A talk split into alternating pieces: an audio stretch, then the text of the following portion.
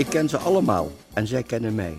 We hebben vaak naast elkaar gestaan, maar ook keihard tegenover elkaar. Mijn oud-vakbroeders. In mijn podcast Recht in de Ogen van ga ik met hen in gesprek. Bevraag ze over hun beroemdste zaken, de advocatuur, de georganiseerde misdaad of en wat er veranderd is de afgelopen jaren. Is het echt zo verhard zoals iedereen zegt? Maar ook de ups en de downs in hun privéleven laat ik niet onbesproken. Ik zoek ze op in hun kantoor of bij hun thuis. Goedemiddag, welkom, welkom, welkom. Marcel Hoedhoff, Bram, welkom. dankjewel. Lang niet gezien, leuk. Ja, te lang? Ja, te lang. Kom binnen. Dankjewel. Eh, we hebben hier een uh, stoel voor je klaarstaan. Nee, goed. Ben je er klaar voor? Altijd, hè? Ehm, ja, ja, ja. Ik moet je zeggen, ik eh, had gedacht ik ga nog even wat podcasts van je bekijken om me goed voor te bereiden, maar uiteindelijk geen tijd meer gehad. Dat dus is heel gewoon- mooi. Zo komt het er me gewoon uit, uit het hart. Dat is, Het het is gewoon lekker ja. natuurlijk. Ja. Gerald Roethoff, welkom. En dank dat we je gast mogen zijn. Fijn dat je er bent, Bram. Ja. Hartstikke leuk. Voor de luisteraar eventjes. Je bent een bekend advocaat. We kennen je uit een aantal bekende zaken. Jos B., verdachte van betrokkenheid bij de dood op Nicky Verstappen. Moreno B., verdachte van de moord op advocaat Dirk Wiersum. Klopt. En zo kan ik nog wel even doorgaan, maar dat, dan weet de luisteraar precies wie je bent. Eh, ik heb me ingelezen en ik heb gelezen dat jij 50 jaar geleden geboren bent in Zwolle. Mhm. Tot je achtste heb je daar gewoond. Klopt ook. En hoe was dat als jongetje met een Surinaamse vader om in Zwolle te wonen? Kijk, ehm, toen was Zwolle heel erg wit. En wij waren eigenlijk eh, het enige echt donkere gezin. Ja, toen wel Chileense bootvluchtelingen, enkele. Eh, maar het was, nou, ik zeg, het, was, het was bijzonder, je viel extra op. Ja. En kinderen kunnen soms onderling best wel eh, gemeen zijn. Dus ze plagen, pesten, maar dat eh, vormt je. Dus het heeft me gevormd. Ja, ja, dat heeft je eigenlijk alleen maar sterker gemaakt. 100 procent, gelukkig wel, ja. Klopt. Kan je zeggen dat er echt sprake was van discriminatie? Of? Het woord discriminatie wil ik niet gebruiken. Kijk, kinderen discrimineren niet. Nee. Wat kinderen wel doen is kinderen die er anders uitzien, dat ze die ja, misschien eh, iets sneller plagen, pesten of proberen te pesten. Ja. Of soms een beetje mijden. Niet allemaal natuurlijk, maar dat gebeurt wel. En dat is ook deels gebeurd, maar ik wil het echt geen discriminatie noemen. Ja, wij werden in Maastricht, waar ik dus geboren en opgetogen Juist. ben, dan werden wij wel als de Jood aange- aangeduid. En ook, ook door kinderen. En, en dan kun je zeggen, ja, dat komt toch ergens vandaan dan, denk Ouders ik. vaak, klopt. Dat bedoel ik Klopt, eigenlijk. klopt. Ja, helaas wel. Ja. Ja. Ehm, je was acht, verhuizen naar Suriname. Correct. Dat leek mij heerlijk, maar je moeder komt daar niet vandaan, heb ik begrepen. Eh, hoe was dat voor haar om met man en kind naar Suriname, en kinderen naar Suriname te verhuizen? Ik denk dat mijn moeder een heel erg eh, avontuurlijke inborst had. Ik bedoel, eh, het is zo dat toen ze met mijn vader begon, ze was tiener. En ehm, het was ook iets hè, binnen het gezin, in de buurt, van, hè, ga je met een Surinamer? Dus, maar ze deed eigenlijk altijd haar eigen ding.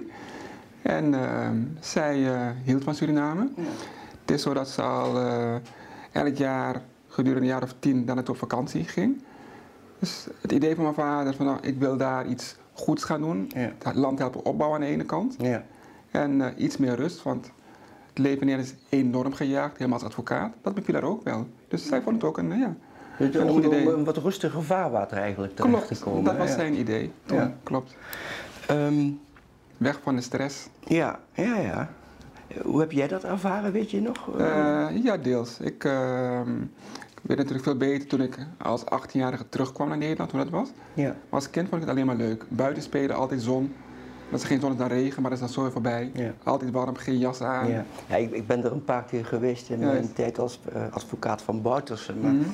op het moment dat ik landde, kwam er een bepaalde rust over mij Klopt. heen. En een warme deken en eh, het, geen stress. En, ja, althans wel stress, maar dat kwam minder tot me, laat ik het zo zeggen. Een stuk gemoedelijker. Ja, Dat is inderdaad eh, het leven daar. ja, Dus hier word je geleefd, deels. ja. Als je niet uitkijkt dan in ieder geval, maar daar leef je. Ja, dus dat was het grote verschil. Wat mij opviel, ik huurde daar een auto. En nou ja, om te, dan rij je zoals in Nederland, hè, stoplichten en haast, haast, haast. En na vier dagen eh, had ik mijn raampje open. Ik had mijn, mijn, mijn, mijn hemdje aan en mijn, mijn jasje uitgedaan. En ik had ook, ik nam meer de tijd ook in het verkeer al. Moet.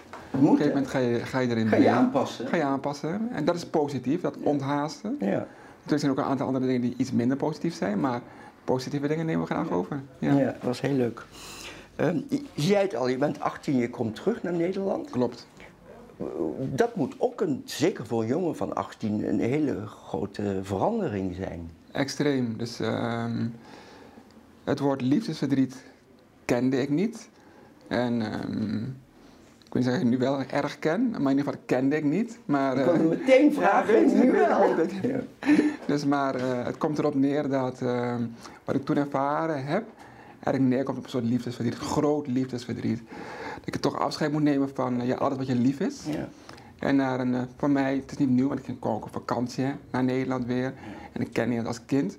Dat ik toch naar iets nieuws toe gaat. Ja. En het warme, het warme achter je laat. Dus het was, het was even wennen. Dat was spannend ook, denk ik. Hè? Ehm, het was met name wennen.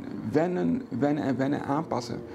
En ehm, uiteindelijk is dat gelukkig eh, ja, gelukt. En ook daar weer eh, ja, Ja. van geleerd. Nou, mooi. Je bent toen niet direct rechten gaan studeren. Je bent iets technisch gaan doen, heb ik. Daar was ik erg verbaasd over. Verklaar je nader. Nee, het is zo dat ik als kind, eh, in Suriname althans, erg technisch was. Ik kon, eh, ik was gek op motoren en bromfietsen. Ik kon ze met ogen dicht uit elkaar halen. Echt waar, ja? dat is echt zo. Ik eh, was een van de beste jongens in de buurt die bromfietsen kon opvoeren. Jongens kwamen naar mij toe om te helpen mijn brommer harder te laten gaan. Gek, hè? Dat zat ik ook helemaal niet achter je. Ik ken je ook niet zo natuurlijk. Dus, eh, maar dat gebeurde echt, dus ik was enorm technisch. En ehm, het is eigenlijk mijn moeder met name geweest die het bestaan als advocaat van de andere kant ook kende. De stress, ehm, de negativiteit die er ook omheen kan draaien. Hè. Dus zo zei van, ja, moet je dat wel willen? Je bent technisch, ga daar iets mee doen. Ja. En eigenlijk, mijn idee was, ik word advocaat. Maar eh, ik heb toch eh, toen iets te veel naar mijn moeder geluisterd. Technisch ja. begonnen en heel snel gezien, dat is het niet voor mij. Nee, maar dus de, de, de, de, de affectie met de advocatuur had je al. Sowieso. Desondanks toch even het advies van je moeder gevolgd en Klopt. technische kant op. Klopt. Ehm, voor de luisteraar die dat niet weet, je vader is eh, advocaat geweest. Klopt. Is in mei dit jaar overleden. Helaas, Heb ik gecondoleerd ja, daarmee. dankjewel. Dat hebben wij gemeen. Heeft hij je opgeleid, mag ik dat zo zeggen? Hij is mijn eh, patroon geweest. Het is wel zo, eh, ik weet niet hoe het bij jou geweest is, maar eh, relatie vader-zoon. Ik was een zoon die zich een, ook een beetje afzette tegen mijn vader. Een beetje wel. Dus hij heeft me wel opgeleid aan de ene kant. Ja. Maar ik vond altijd, pa, je bent ouderwets, ik weet het beter dan jij het weet. ja, dat had ik niet. Dus mij heeft me wel opgeleid. Ja. En eh, ik heb heel veel, heel veel tips van hem gehad. Maar uiteindelijk heb ik ook heel veel op mijn eigen manier zelf ingevuld. Dus zo is dat eh, gegaan toen. Wat is de belangrijkste les die je van je vader zakelijk dan als advocaat hebt geleerd? Niet zozeer op het menselijke Juist. vlak. Ehm, laat je nooit uit de tent lokken. En ehm, zorg ervoor dat ehm, je, wat er ook gebeurt, je in de rechtszaal altijd beheerst. Altijd. Laat je niet gaan. Ja, Dus dat was één les van hem. Ehm, belangrijke les. Klopt. En uiteindelijk, eh, het zijn de tonen die de muziek maken. Daar gaat het om. Zoek de juiste tonen. Ja. Je kan een gitaar en een viool wat ook bij elkaar zetten. Als je niet kan bespelen, komt er niets uit. Maar het zijn de tonen die de muziek maken. Ja, Zoek C'est de qui toon. fait la musique. Ja. Ja. Die les heb ik ook geleerd. Ik heb het niet altijd kunnen waarmaken, zeg ik eerlijk, in de rechtszaal. Nog iets? Eh, als ik gewoon terugdenk, eh, voor mij was dat het belangrijkste. Ja. En eh, hard werken. Ja. Hard werken en weet dat je tegenslagen zal krijgen. Maar gewoon doorgaan en nooit laten kisten. Nooit. Dus We hebben eigenlijk wel veel gemeen, hè, als ik dat zo bekijk. Ehm, welke les he- heb je van je moeder geleerd? Anders dan dat je niet de technische kant op moet, maar en ik heb heb je lessen ook van je moeder geleerd En natuurlijk? ehm, zeker, maar dat is, je stelt me die vraag en moet ik even nadenken. ja. Dat is toch iets anders geweest. Kijk, mijn vader was het echt, hij sprak met me en heeft me geprobeerd te corrigeren hè, en op die manier te vormen. En ehm, dat is mij iets meer bewust bijgebleven dan van mijn moeder. Ja. Maar wat ik van mijn moeder gezien heb, is eh, ja, heel veel liefde gekregen. Ehm lief zijn voor de mensen om je heen. Dus niet zozeer met de mond beleden, maar wel met eh, hoe ze in het leven stond. En eh, ruimdenkend zijn. Ja, met name ruimdenkend zijn. Iedereen accepteert zoals hij of zij is. Ja. Dus, en ook niet zozeer met de mond beleden, maar meer wat je dan ziet Ja. ja. Ehm, je bent op een gegeven moment je eigen kantoor gaan openen in Amsterdam. Uh, je hebt, ik denk het al te weten, maar uh, waarom koos je daarvoor? Dat was hetzelfde probleem omdat je eigenwijs was eigenlijk. Ja, dat, was, dat waren twee dingen. Eén, ik was inderdaad eigenwijs en vond dat ik het uh, beter wist dan mijn vader. Dat vond ik.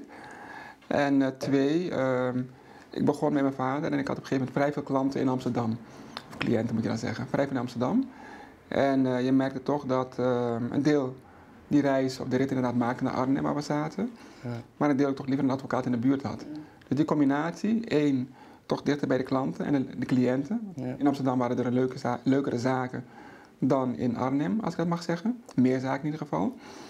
En twee, uh, het gewoon zelf doen. Zelf willen doen, zelf bepalen. En zelf op je eigen manier invulling geven aan wat jij denkt dat goed is. Dus die twee zaken waren het. Ja.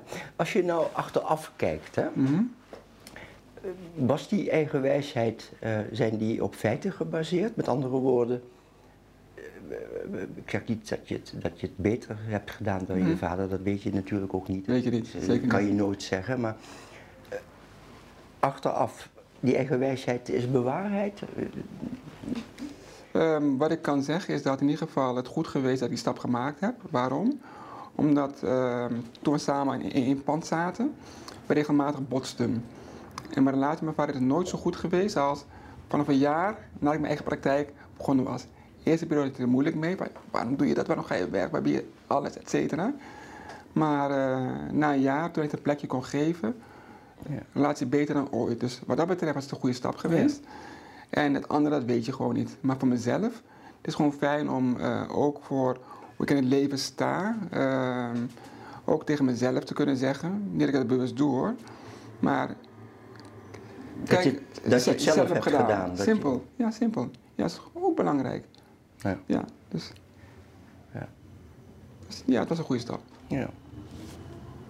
En privé, zo begrijp ik jou, heeft het alleen maar uh, jou dichter bij je vader gebracht? Alleen maar. Alleen maar. Dus op zich echt, wat dat betreft, privé de beste stap geweest. Ja, ja. Dus uh, ik denk dat ik, uh, als ik kijk vanaf mijn jeugd, tienertijd, et cetera, dat ik eigenlijk vanaf de periode dat ik echt voor mezelf begon, en voor mezelf werkte, dat de relatie nog nooit zo goed geweest is. Ja, ja grappig. Ja, zo is dat Nou ja, dat kan natuurlijk. Hè, dat je, als je met familie werkt, dat is altijd... Uh... Het heeft heel veel voordelen, ja. maar... Oh ja. Precies. Uh, iedereen weet dat jij uh, complexe en grote strafzaken doet. Ook. Ook nou ja, het grote publiek, hè, dat, uh, ik weet dat er natuurlijk wel dat er een heleboel andere zaken zijn die nooit in de pers komen, maar voor het grote publiek inderdaad, dat zeg je, die nuance maakt ja. goed. Um, uh, ging je in die tijd ook al te raden bij je vader nog? Weet je, kijk, ik had, mijn vader en ik, wij hadden wel nog een maatschap, maar hij zat in Maastricht, ik in Amsterdam. En af en toe pakte ik de telefoon en zei ik, ik zit hiermee, uh, mm -hmm. vind je ervan? En ook wel andersom later. Dat, dat deed je wel nog? Of, of, dus dat je op afstand nog wat advies vroeg of gaf aan je vader? Nee, advies vragen niet echt. Maar het is wel zo dat hij uh, zeer regelmatig langskwam. Ik denk dat hij uh, minimaal één keer per week even langskwam in Amsterdam, kantoor bij mij. Ik denk wel twee keer per week. kwam hij echt even langs. Uh, maar als hij een zitting hier had, of we hebben ook veel familie in Amsterdam, uh, lekker eten in Amsterdam. Dus als hij in Amsterdam Hele belangrijke reden om naar Amsterdam te komen. Zeker, zeker, zeker. Dus, uh, dus als hij in Amsterdam was, dan kwam hij graag even langs en dan spraken we over alles. Ja. Maar eigenlijk meer levenslessen uiteindelijk. En hoe ga je met het leven om? Dan puur, hoe pak je een strafzaak aan? Klopt. Maar ik, ik pakte wel eens de telefoon en dan vroeg ik, wat vind je van dat voor weer als we in die zaak dat, dat, dat, dat, dat, dat... Nee, minder. Minder. Minder inderdaad. Juist om die koppigheid die ik zelf had, ik vond, nou, ik... Uh, Jij wist het wel. Ik wist het wel, ja. Je staat vaak in de schijnwerpers, toch ook door de zaken die je behandelt. En ik weet dat natuurlijk uit, vanwege mijn achtergrond, maar uh, hoe ga je om met die publieke opinie en de kritiek die daarbij komt kijken? Me af laten glijden. Heel eenvoudig is dat, want als je daar uh, je door laat leiden, kan je nooit meer jezelf zijn. En het is, is, toch bij bepaalde zaken nooit goed. Kijk, als jij de verdachte bijstaat van een uh, ja, levensdelict dat heel Nederland schokt, dan kan je het nooit goed doen. Je kan het nooit goed doen. Wat je ook zeggen zou, ter verdediging, want je staat er om die cliënt te verdedigen. Niet de daad, maar de cliënten verdedig je. Je hebt maar één belang en dat is het verdedigen van Maar wat je ook zegt, het zullen altijd mensen zijn die het niet goed vinden. Dus als je daardoor laat leiden, dan moet je dit werk niet doen, vind ik. Nee, dat ben ik helemaal met je eens. En zo, zo zat ik er ook in. Maar je bent een mens met aderen door je, of met bloed door je aderen. Want ik kan dat goed vergelijken, want ik heb dat ook gedaan jarenlang. Ik heb diezelfde kritiek gehad. Uh, je er niet door laten leiden is wat anders dan dat het je kan raken. Ik begrijp je. Ik kan dit zeggen, uh, juist omdat ik als kind het een en ander meegemaakt heb, hè, toen ik uh, op de lagere school in Zwolle toch anders behandeld werd. Uh, toen we naar Suriname gingen, was ik ook in Suriname behandeld. Ik wel een bruine huid, maar een uh, Nederlands accent, uh, oh God, ja. andere kleding. Dus ook, ook, ook, dat bij eerste, twee, drie jaar was ook weer anders. Dus ehm, toen ik op een gegeven moment in eh, Delft ging studeren, die technische studie, is een aparte stad door Delft. Echt een aparte stad. weet je dat ik er nog nooit ben geweest, maar okay. dat er zeiden, ja. Nou, waarom, waarom apart? Uh, de, het type personen dat uh, de studie deed die ik deed. Ja. Uh, wat zal ik zeggen? Ja, techneuten. En iets minder mensenmens. En meer technisch. En dat, zeg, je, zeg je zo netjes? Ja, zeker. Ik ben een nette man. Dat weet ik. dus maar ook daar weer toch, uh, toch uh, ja, wat dingen gezien en ervaren. Dus op een gegeven moment, uh, ook hier in Nederland, toen ik hier in Nederland terugkwam, naar de discotheek willen gaan. En dat was dan wel uh, discriminatie. Ja, daar komen we zo nog even op. Precies, dus uiteindelijk heb ik in mijn tiener en jonge twintiger jaren zoveel negativiteit meegemaakt... dat negativiteit me weinig doet. Dat is echt waar. Je hebt eigenlijk een soort schild opgebouwd. Ook Zonder meer, gewoon een olifanthuid, klaar. Ja, ook door je persoonlijke ervaringen heb je ook die heb je dat zakelijk schild opgebouwd ook. Ja. Combinatie van, inderdaad. Dus wat dat betreft, uh, voor mij is het heel belangrijk hoe kijken de mensen naar mij voor wie, het, voor wie ja, die van mij toe doen? Ja, ja. Mijn directe familie, mijn geliefde, geliefden, ja. et cetera. Wat vinden die ervan? Ja. En dat die zegt van Gerald, dat had je echt anders kunnen formuleren. Dan kan ik er naar luisteren, wat ik ermee doe, is vraag 2. Maar dan kan ik er naar luisteren. Maar ander in principe, nee. niet snel. Nee. Herkenbaar. Ja, je moet. uh, meest in het oog springende op dit punt natuurlijk was de, uh, was de verdediging van Jos B. Hè, de zaak van Nicky Verstappen. Uh, daar heb ik waarschijnlijk dezelfde attitude gebruikt. Hè? Met andere woorden, uh, laat Simpel. me gaan, moet van mijn rug afglijden. Simpel. Daar heb je natuurlijk veel kritiek. Niet natuurlijk, want belachelijk dat je daar veel kritiek op... Maar extreem veel, klopt. Extreem veel. Klopt. Uh, maar dat, dat werkte dus ook zo, hè? Af, af, je af laten meer. Ja. Zonder meer. Het is zo dat ik een bepaald idee bij die zaak had. Ik had de visie, hij moet worden vrijgesproken, gewoon te weinig bewijs. Hmm. Dat is in ieder geval bij de rechtbank niet gebeurd, bij het Hof ook niet. Nee. Dus zodat in mijn eh, visie dat hij moest worden vrijgesproken, ik er niet alleen stond. Hè. Um, professor Van Koppen, niet de minste, die toch uh, meerdere gerechtelijke dwalingen aan de kaak gesteld heeft, heeft er een heel boek over geschreven waar hij heel kritisch was. Goed, uiteindelijk zijn rechters die moeten oordelen. Hij is veroordeeld. Ja. Zaak loopt nu in cassatie, even kijken wat daaruit komt. Ja. Klopt.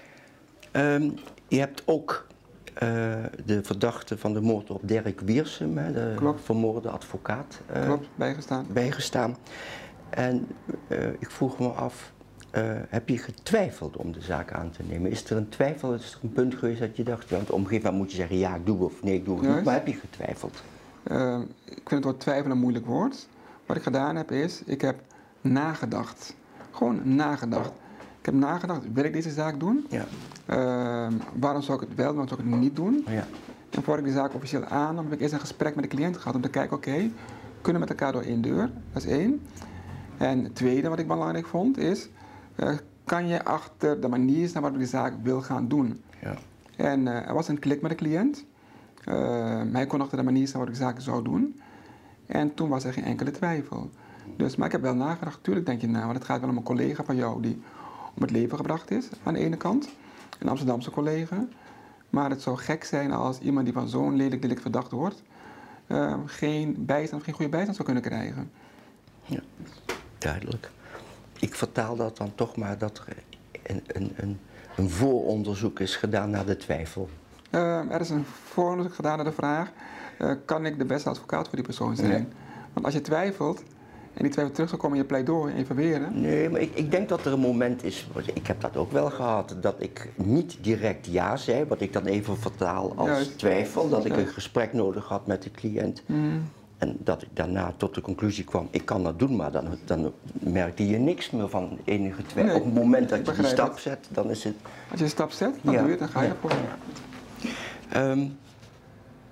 Denk jij dat ehm, de media invloed hebben op de uitkomst en strafzaken in Nederland? Denken, ik weet het. Ik weet het. geen twijfel. Geen enkele twijfel. Geen enkele twijfel. Kijk, rechters zijn mensen. Ja. En ehm, ik ben de naam van eh, die rechter kwijt. Er is in het verleden een rechter geweest die ook gewoon gezegd heeft in een actualiteitenprogramma dat het mee kan spelen. Hè? Dat het meespeelt. Aandacht in de media. En er zijn bepaalde zaken waarbij ehm, gegeven moment zoveel commotie is. Er zijn zaken waarbij er zoveel, wat zou ik zeggen, ehm, in de samenleving zoveel rumoer is over een gepleegd delict. Dat ik kan voorstellen dat een rechter toch iets meer moeite zou hebben om te denken: ehm, ik laat jou gaan. Laten we beginnen met het schorsen van de voorlopige hechtenis. Kijk, een expliciete grond voor de voorlopige hechtenis, hè, voorlopig gezet na van het proces, is de geschokte rechtsorde. En de rechter kan zeggen: ik kan je niet laten gaan, want anders veroorzaakt het een schok in de rechtsorde. Op het moment dat de zaak meer media-aandacht heeft, ga je dat sneller hebben. Dus ja, 100%. De media heeft invloed op de uitkomst van strafzaken. Nou, kan die geschokte rechtsorde in het begin van zo'n proces, kan nog even, dat kan ik als jurist nog en jij uiteraard Zeker. ook, kan ik dat me iets bij voorstellen. Maar als waar is wat je zegt, en Mhm. ik sluit dat niet uit, als inmiddels buitenstaander, Juist. dan is er sprake van een groot schandaal eigenlijk. Eh. Vind ik, want een rechter, Mhm.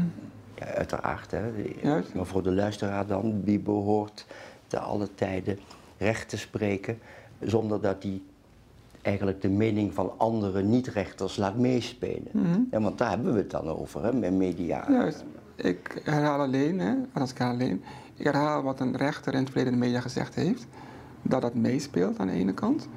En ehm, ik kijk naar, eh, laat me het anders zeggen, wat voor mij niet zo goed te begrijpen is, is dat in kleinere zaken zonder aandacht je heel snel ziet dat twijfel echt in het voordeel van de verdachte uitvalt en er een vrijspraak volgt. Enige twijfel, weet je wat, ik weet niet 100% zeker. Ik spreek je vrij. Zaken zonder aandacht. Zonder dat het publiek toekijkt. En dat zie ik minder snel in zaken die zwaarder worden. Waar er meer mensen naar de zaak kijken, zie je dat minder snel gebeuren. En je zou eigenlijk moeten zeggen, zou bijna omgekeerd moeten zijn. Hoe zwaarder de zaak, hoe je zou moeten zeggen, ik kan niet als rechter jou, als ik het niet zeker genoeg weet, veroordelen. Een week oké, maar levenslang? Absoluut nee. Belang is dan groter. Klopt. Ehm, toen ik nog advocaat was, toen eh, werd mij nog alles verweten dat ik in de talkshows zat om Juist. het belang van mijn cliënt daar ook in gelijke mate als die het OM deed of zelfs persrechters. Hij had camera's ook Ja, zo bij de invallen en zo. En ik heb toen ooit eens gezegd als, als, als ja, ik werd daar een beetje moe van. Het behoort tot de taak van een moderne strafadvocaat Mhm. om ook na zessen daar aan tafel te gaan zitten bij Paul en Witteman of bij whoever.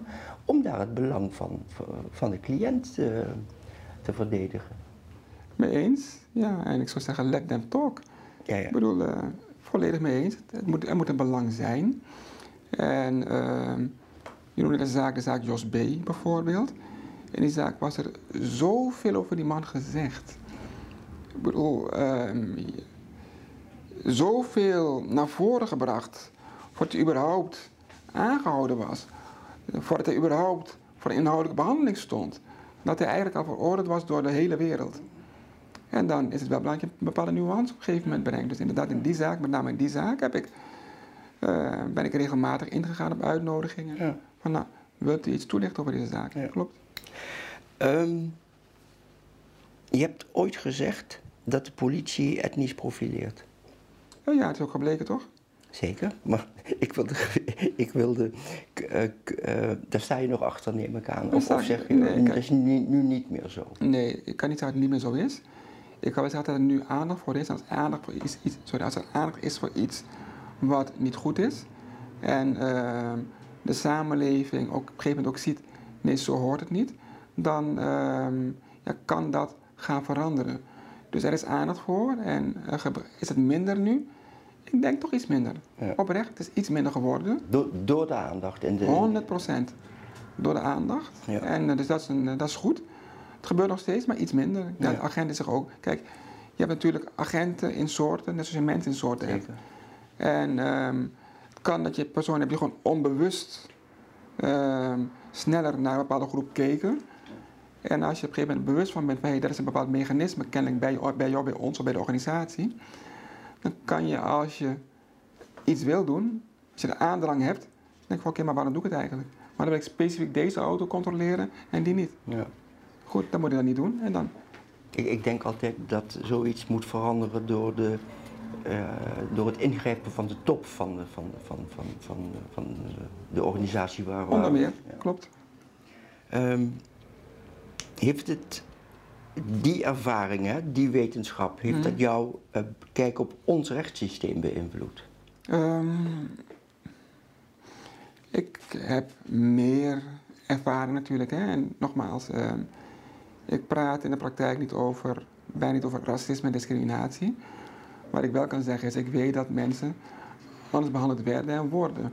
Mag ik vragen, even in de reden vallen. Jij vermijdt zo het woord discriminatie. Ja.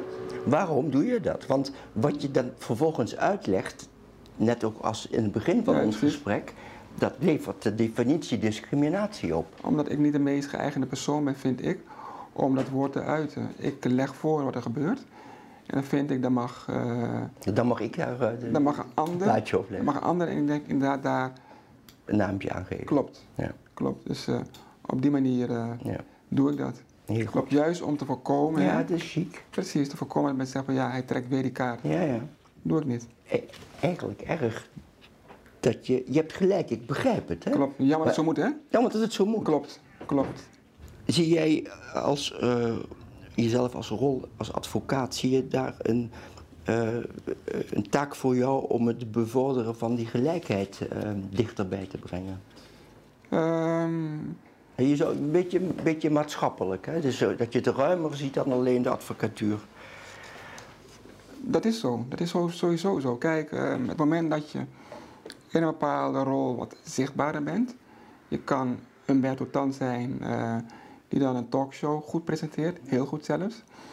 Je kan uh, Ruud Gullit zijn die een van de beste voetballers ooit ter wereld is. Op het moment dat je als man van kleur, of als vrouw van kleur, hè, ehm, zichtbaar bent en wat je doet, geval voor het publiek, goed genoeg doet, nooit voor iedereen, dan vervul je daarmee sowieso een bepaalde functie.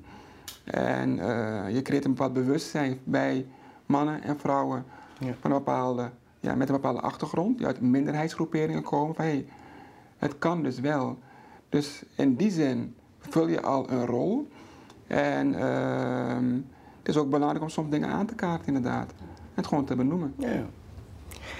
Um, het koloniale verleden is in mhm. Nederland een hot item, laten we het dan maar zo noemen.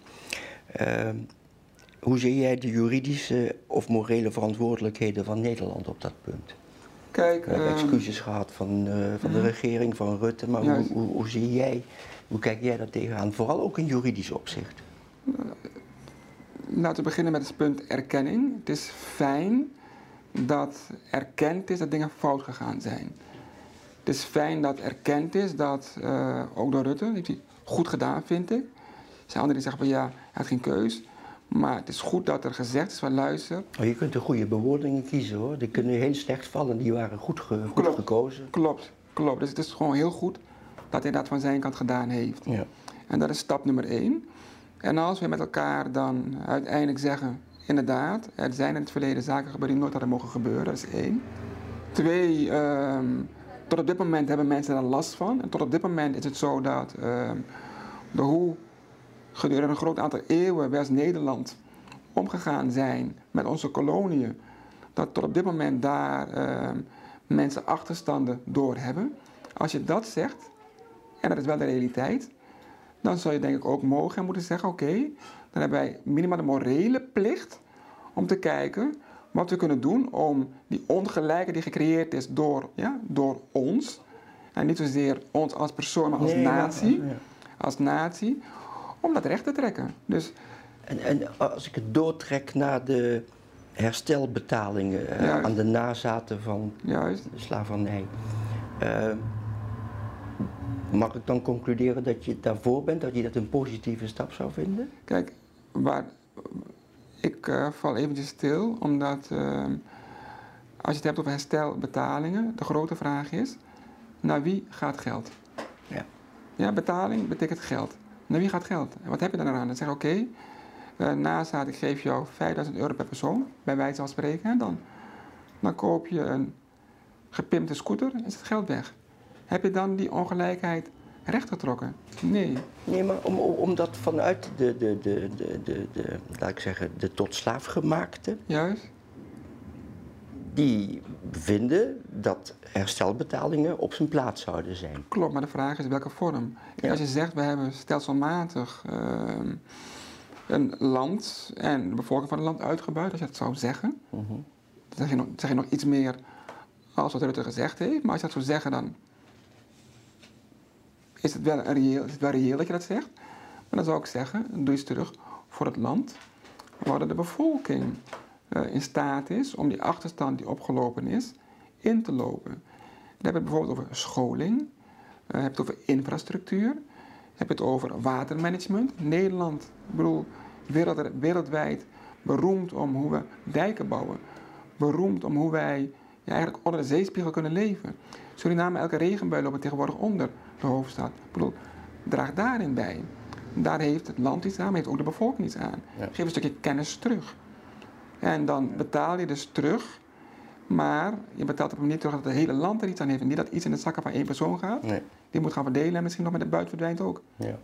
Dus als ik je het vertaal, dan zeg je herstelbetalingen zijn eh, iets goeds, maar dat moet dan eigenlijk naar de staat Suriname in dat geval gaan. Eh, Naar het land moeten we- Suriname. naar het land Suriname en, Klopt. en daar moeten we dingen mee doen die ten behoeve komen van de hele bevolking. Klopt, ik zeg Suriname, maar natuurlijk is Ja, eh, hoor Curaçao, Curaçao eh, Aruba, Bonaire, Ja. et cetera. Ja. Klopt. duidelijk. Ehm, Als ik daar nog iets over mag zeggen, kijk, ehm, het systeem, als je naar Curaçao kijkt, ehm, als je een bepaalde opleiding wil doen van de Curaçao, moet je naar Nederland toe. Omdat je die opleiding daar gewoon niet hebt. I know. Dus dat zijn zaken, Ja. daar zou Nederland iets aan mogen en moeten doen. Ja. Hetzelfde gaat voor Suriname. Dus we spreken allemaal dezelfde taal, eh, hoofdtaal Nederlands. Investeer daarin. Kennis maakt macht. Geef een stukje kennis terug. Ja. We hebben hier een kenniseconomie, daarom zijn wij, doen het zo goed wereldwijd. Geef een stuk kennis terug. Ja. Dat zou dan wat mij betreft een deel van de bijdrage moeten zijn en meer hoor, in de basis. Ja. Heel goed. Ehm, je hebt een tijdje geleden, lang geleden al in coma gelegen even, na een- Klopt. Een, een, een ongeluk. Klopt. Ehm, ben jij anders naar de wereld gaan kijken toen je daar weer uitkwam? Ja, zeker. Zeker. En in welke zin? Relativerend, dat denk ik dan, maar misschien vul ik het nu in. Ook nee, nee, nee, je, mag het, je vult het goed in, Bram. dus, eh, je vult het goed in. Zeker relativeren. Ik bedoel, eh, ik eh, was er bijna niet meer, dat is gewoon een realiteit. Ja. En ehm, daardoor kan je heel veel meer, ja, grof woord, shit hebben. Veel meer rotzooi kan je hebben. Ik bedoel, het is allemaal relatief. Ja, ja. Dus dat is één. En twee, ehm, elke ochtend dat ik opsta, hoeveel eh rotzooi er ook om me heen zou zijn. Ja. Ik geniet van het feit dat ik opsta, de zon schijnt, Ja. noem maar op. Ja. Dus en het komt echt mede, mede toch door die ervaring. Ja, dat, dat doet me een beetje denken aan, we hebben het over lessen gehad van jouw vader, maar de Ja. les van mijn vader was, hij op een andere manier heel veel rotzooi Tuurlijk. heeft gehad natuurlijk. Tuurlijk, Eh, relativeren en van, er zijn maar een paar dingen belangrijk in het leven en, en de rest is eigenlijk allemaal bijzaak. bijzaak. Ja. Klopt. Het heeft mij ook wel geholpen. Ehm, sterf jij in het harnas of ga je op enig moment gewoon wat rustiger aandoen en met pensioen? Ehm, ik ga in een harnas sterven. dat staat voor mij vast. Ik sterf in een harnas. Want stilzitten is niets voor mij. Kijk, je had net over mijn vader die overleden is. Het is iets wat eh, vrij vers is, drie maanden geleden Ja, nu. oké. Eh, maar die is, Pardon. Die is in het harnas gestorven. Die was eh, 83. Was het nog praktiserend? Ja, was al praktiserend. En ehm, hij deed wat hij leuk vond. Wel op een veel lager tempo. Maar hij deed wat hij fijn vond. Met mensen omgaan, voor mensen opkomen. ehm, van hier naar daar. Gewoon dynamisch en dynamisch bestaan. En hij, hij kon niet stilzitten. Dus als je mij vraagt, mij vraagt sterf je in het harnas? Sowieso ga ik niet achter de geranium zitten. Dat gaat zeker niet gebeuren. Nee, maar ik denk dat de kijker of een luisteraar het leuk vindt om te kijken als je zou switchen. Hè, Ja, weet je, ik zie jou ook niet, daar ben je ook veel te jong voor trouwens. Wat je dan eventueel gaat doen. Oké, ehm, toen ik eh, jong was, eh, was de vraag: ga ik iets doen met, met sport, sportleraar, trainer of wat dan ook, of eh, inderdaad eh, de advocatuur? Dat was voor mij, dat waren de twee vragen waar ik mee zat. Ja. Uiteindelijk eh, advocatuur, want ja, ik denk sport, als je in de sport zit, klopt niet helemaal het idee wat ik toen had. Maar ik dacht van ja, als je boven de 40 bent, dan ben je eruit. ja. Maar goed, Van Gaal en Dick Advocaat, et cetera, die gaan nog jarenlang Maar door. het zijn wel uitzonderingen, Het dus je hebt uitzonderingen, gelijk eigenlijk. precies. Ja. Dus en als advocaat, eh, ja, je moet eerst grijze haar hebben, bij wijze van spreken. Ja. Voordat je, je serieus genomen wordt. Ja, Dus, ehm, ik werd al heel vroeg serieus genomen. dus ehm, Maar heb was- je, heb je enig idee wat je wat, eventueel... wat, wat ik zou willen doen. ehm, kijk, ik vind lesgeven leuk, bijvoorbeeld. Dat doe ik wel eens. Op eh, universiteiten lezingen geven. Vind ik hartstikke. Stof overbrengen vind ik heel leuk. Dat is één. Maar ehm, ik zou ook het leuk vinden om iets te doen voor het land Suriname, bij wijze van spreken. Waar toch een deel van mijn hart ligt. Ehm, misschien ook wel voor Nederland. Wat zeg je? Misschien ook wel voor Nederland, hè, dat je dus zegt van ja, bepaalde politieke ambities zijn dingen die in de gedachten wel spelen. Want als je zegt van nou dit moet anders en dat mag anders, in gedachten, Ja. als je in de politiek zou gaan, dan zou je in theorie er iets mee kunnen doen, in theorie. Maar als ik kijk naar al die vuiligheid die daar eh, ook omgaat en eh, hoe je eigenlijk eh, wel kan zeggen ik sta hiervoor, maar als je dan ergens in de buurt komt, dan moet je het toch weer gaan ombuigen, is de vraag, zou er iets voor me zijn? Maar ik ben, Voor dit ik- moment, voor dit moment alsjeblieft niet. ja, maar ik, heb, ik, ik ben een goed luisteraar, Ja. denk ik dan. En eigenlijk zegt de advocaat Roethoff nu tegen me... als ik ooit stop met de advocatuur, dan overweeg ik de politiek in te gaan. Ehm er overweeg ik iets te doen, waardoor ik voor eh, veel mensen iets kan betekenen. Ja, dat kan alleen nog maar toch in de Dat politiek. kan in de politiek. ehm, Om standpunten waar te kunnen maken. Klopt, dat kan in de politiek. Kan in de politiek. Als ik eh, het heb over Suriname, nogmaals, waar ook een deel van mijn hart ligt. Ja. Inderdaad, toch ook weer in de politiek. Maar de vraag is, dan moet je het doen in een bestaande politieke partij. Moet je zeggen, ik ga voor een nieuwe partij. Moet je zeggen, ik word adviseur op de achtergrond. Dus, maar het gaat er wel om, het is wel fijn om... Kijk, ik heb het nu, vind ik, eh, hier in Nederland gewoon goed. Als ik in Suriname ben, waar ik regelmatig ben, ik het ook hartstikke goed. Maar het mooiste is als iedereen Het een beetje heeft. goed heeft. Kijk, niet iedereen kan het Ja. altijd top hebben, maar als iedereen het een Ja, beetje ja. goed heeft, wat meer mensen het een beetje goed hebben, dat is ook voor jou als persoon fijner. Leef je Ja. ook veel plezieriger. En toch lees ik in dat antwoord dat je overweegt om na je advocatuur de politiek in te gaan. Nou, maar daarna hoeft ook niet. Hè? Ik bedoel, eh, als je op een gegeven moment zegt van, nou, ik, heb, ik ben een beetje moe van... Oh, je kunt het eh, tegelijkertijd doen. We hebben een collega die het doet, hè? Ja, ja, natuurlijk. Nee, Dus, dus ja. ja. Je bent al bijna politicus, je, ik kijk- maar ik heb het er redelijk uitgekregen, vind ik. Ehm, hoe ontspan jij eigenlijk? Ehm, ik ontspan eh, als ik een pleidooi mag voeren op een, eh, op een zitting. Ontspan ik al. Ontspan je dan? Ontspan ik al. Oh, dat had ik toch al. In een leuke zaak. Eh, Leuke ah, zaak, klopt. Ontspan ik al. Ik ontspan als ik in de auto zit en eh, van A naar B rij. Ik ontspan met name eigenlijk van water. Ik ben gek op water. Dus, En wat, hoe, hoe, hoe effectueer je dat? Hoe doe je dat? nou, eh, zijn naast water, in de buurt van water. Varen bijvoorbeeld. Ja, Dus dat geeft mij heel veel rust. ja. ja. Echt water geeft mij het meeste rust. Gewoon water. En dat doe je in Nederland hier wel? In Nederland. En eh, klopt. Eh, maar Als ik op Curaçao ben, op Curaçao. Ja, nee, dat... eh, Als ik in Suriname ben, in Suriname. Maar echt, ik ben echt in de verknocht buurt aan van water. water. Ja, klopt. Heel Dat heb, heb ik ook wel. Ehm, ten slotte, meester Roethoff, eh, wat zou jij nou tegen jonge mensen zeggen die overwegen om een carrière in de strafadvocatuur Oké. De te, vraag, te, te gaan doen? precies. Bij jezelf te raden gaan, waarom zou ik het willen? Dat is vraag nummer één. Waarom wil ik het? Zeg ik, ik doe het, want ik denk dat ik dan ook door op een gegeven moment eh, in de ogen van Bram mag kijken. Als dat je overweging is, dan is dat niet de meest zuivere overweging. Dan zou ik het niet doen. Als je overweging is, ik vind het fijn om in ieder geval ehm, vrij mijn mening te mogen verkondigen. Eén. Ik vind het vrij om een, een vak uit te mogen oefenen zonder directe richtlijnen, waar andere directe richtlijnen voor jou, hè, Ja. waar anderen bepalen wat jij concreet moet zeggen. Je hebt best wel veel vrijheid in de advocatuur. Hij zei, ik vind het fijn Maar om... er zijn ook heel veel richtlijnen van de orde in de advocatuur. Ja, ik ken Steeds ze. meer, hè? Ja, praat hier niet over Bram. Ik, eh, dacht, dat moet je me niet vragen vandaag. Dat wil ik vermijden, het onderwerp. Ik eh, mag het woord vrezen niet gebruiken, maar het is wel zo. Het is wel zo dat ehm, inderdaad je ehm, steeds beter moet opletten ehm, op inderdaad eh, ja, de regels die de orde van bovenop legt. Ja. legt. Steeds beter. Maar goed, Terug naar terug naar de... Ja, ik kon het toch niet Nee, laten. nee, ik, be- ik begrijp je. Ja. Nee, terechte opmerking, maar toch ervaar ik veel vrijheid in wat ik als advocaat kan en mag doen. Ja.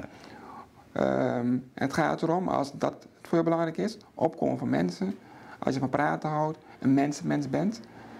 En eh, niet vies bent van hard werken. Want dat moet je wel weten. Het is niet, eh, niet alleen, het, eigenlijk helemaal geen glitter en glamour. Nee, helemaal het is gewoon werken, lezen, werken, lezen, dossiers lezen, kennis, op, kennis bijhouden.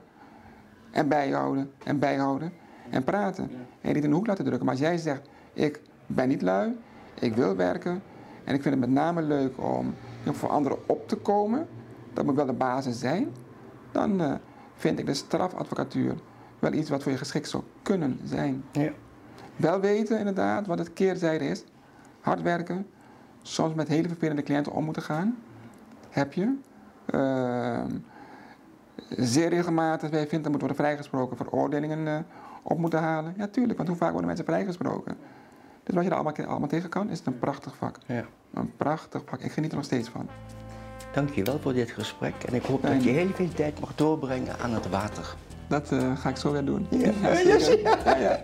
Ja, leuk. Wie zou jij willen horen in mijn podcast Recht in de Ogen van? Laat het mij weten op crime.telpanetwork.com. Voor nu bedankt voor het luisteren. Tot de volgende keer.